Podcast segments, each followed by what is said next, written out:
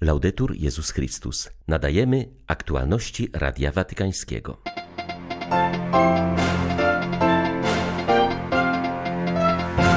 Caritas jest świadkiem miłości Boga, zaznacza arcybiskup Tarcisio Kikuchi, metropolita Tokio, nowo wybrany przewodniczący Caritas Internationalis. Dodaje, że organizacje reprezentują przede wszystkim wolontariusze pracujący u podstaw.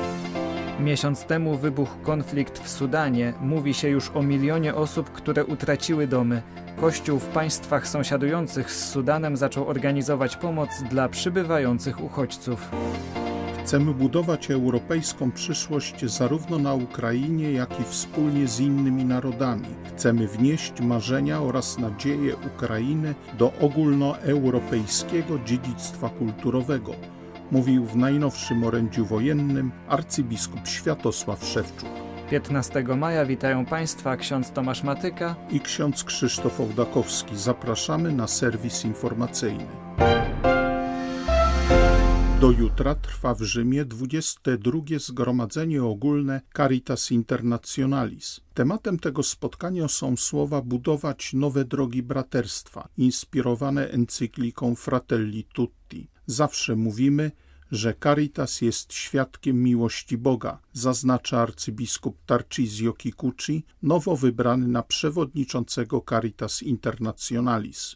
Dodaje, że Caritas reprezentują nade wszystko wolontariusze pracujący u podstaw, a administracja pełni służebną rolę. W wywiadzie dla Radia Watykańskiego arcybiskup Kikuchi, opisując misję Caritas, nawiązał do swojego doświadczenia. 1995 I was a volunteer of Caritas Japan.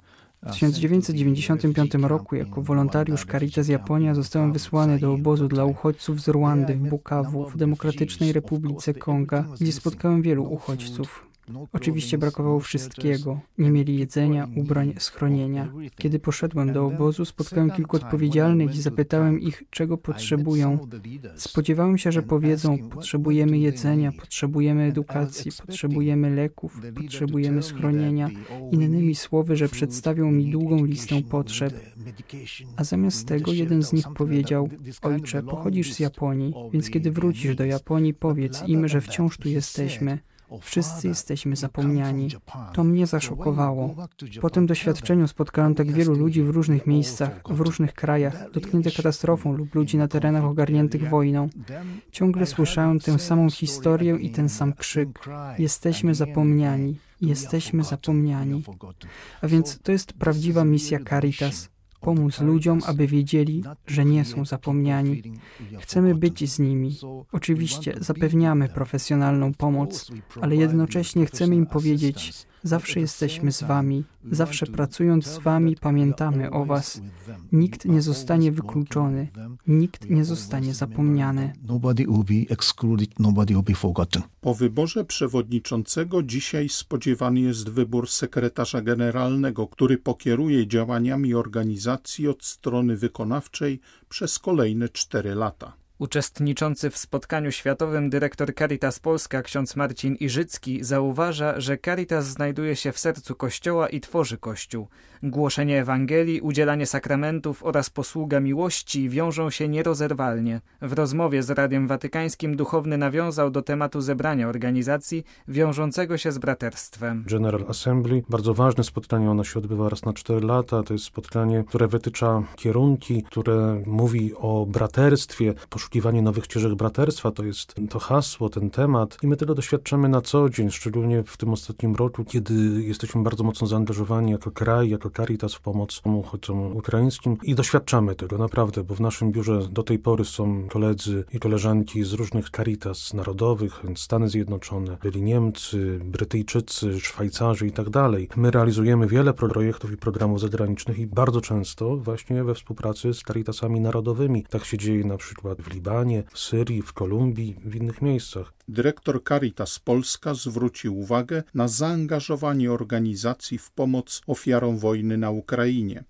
Caritas utworzyła 32 centra pomocy w całym kraju. Udziela także pomocy w innych miejscach na świecie. Bardzo ważne są nasze działania właśnie cały czas na Bliskim Wschodzie. Syria, po trzęsieniu ziemi, Syria, Turcja, program Rodzina Rodzinie, który tam realizujemy od 6 lat, także mikroprojekty, program Szkoła Szkole. Ważna jest obecność w Jemenie. Jesteśmy tą Caritas, która prowadzi działania na polu medycznym, no i działania w Wenezueli, Kolumbii, we współpracy z Caritas Columbia, Caritas Venezuela, właśnie też na rzecz uchodźców. To jest ten temat bardzo mocno obecny w pracy Caritas Polska.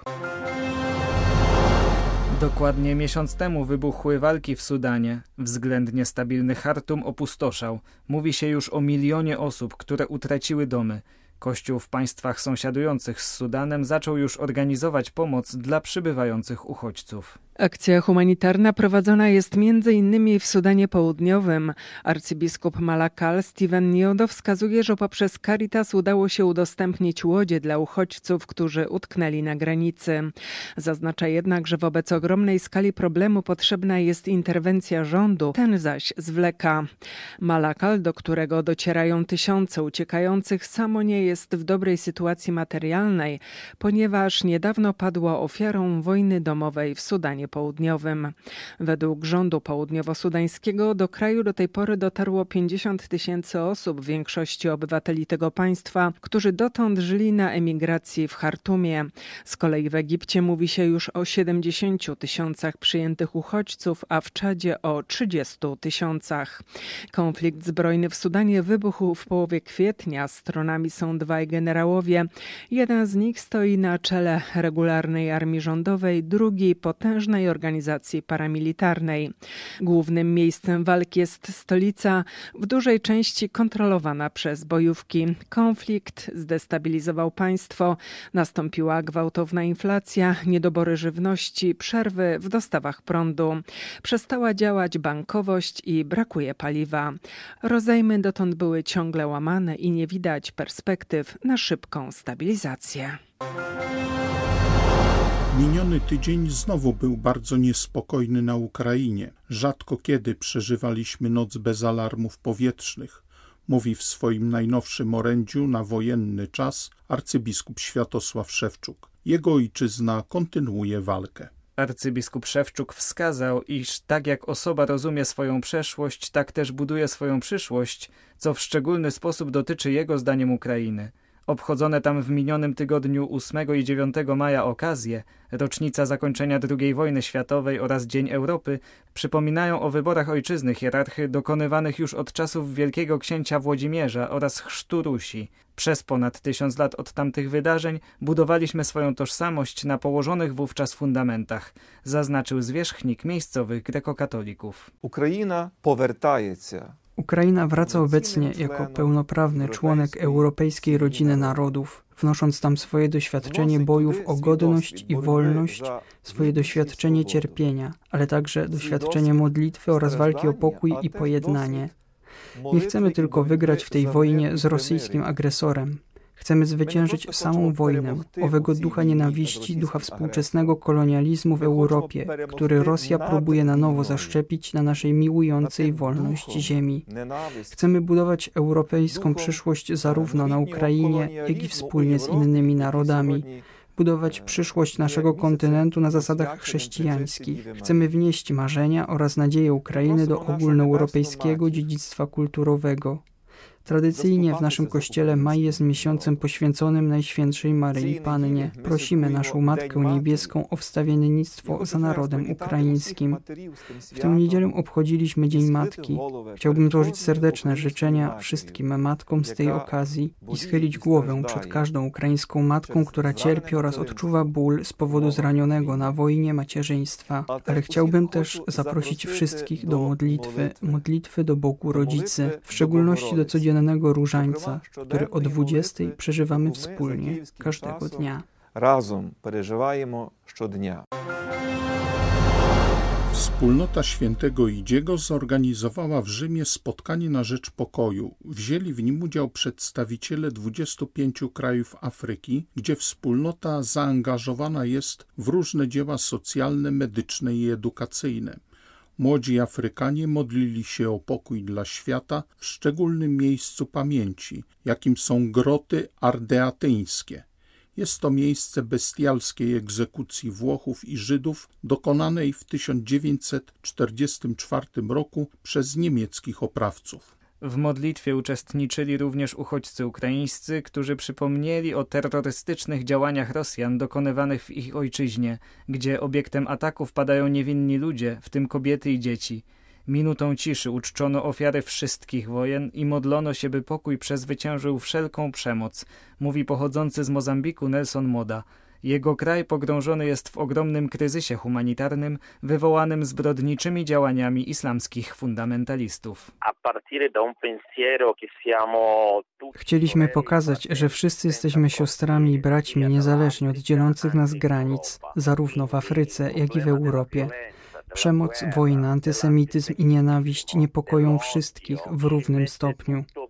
Przeżywając w Rzymie panafrykańską konferencję wspólnoty świętego Idziego, postanowiliśmy upamiętnić tę tragiczną kartę historii włoskiej stolicy, gdzie 335 osób zostało bestialsko zamordowanych tylko dlatego, że walczyli o wolność. Chcieliśmy pamiętać o tych naszych braciach i siostrach, dzieciach tego samego Ojca. W ten sposób potwierdziliśmy nasze globalne zaangażowanie na rzecz pokoju i przypomnieliśmy, że trzeba pamiętać o minionych tragediach i starać się z nich wyciągnąć lekcję. Społeczeństwo bez pamięci jest skazane na powtarzanie historii z przeszłości.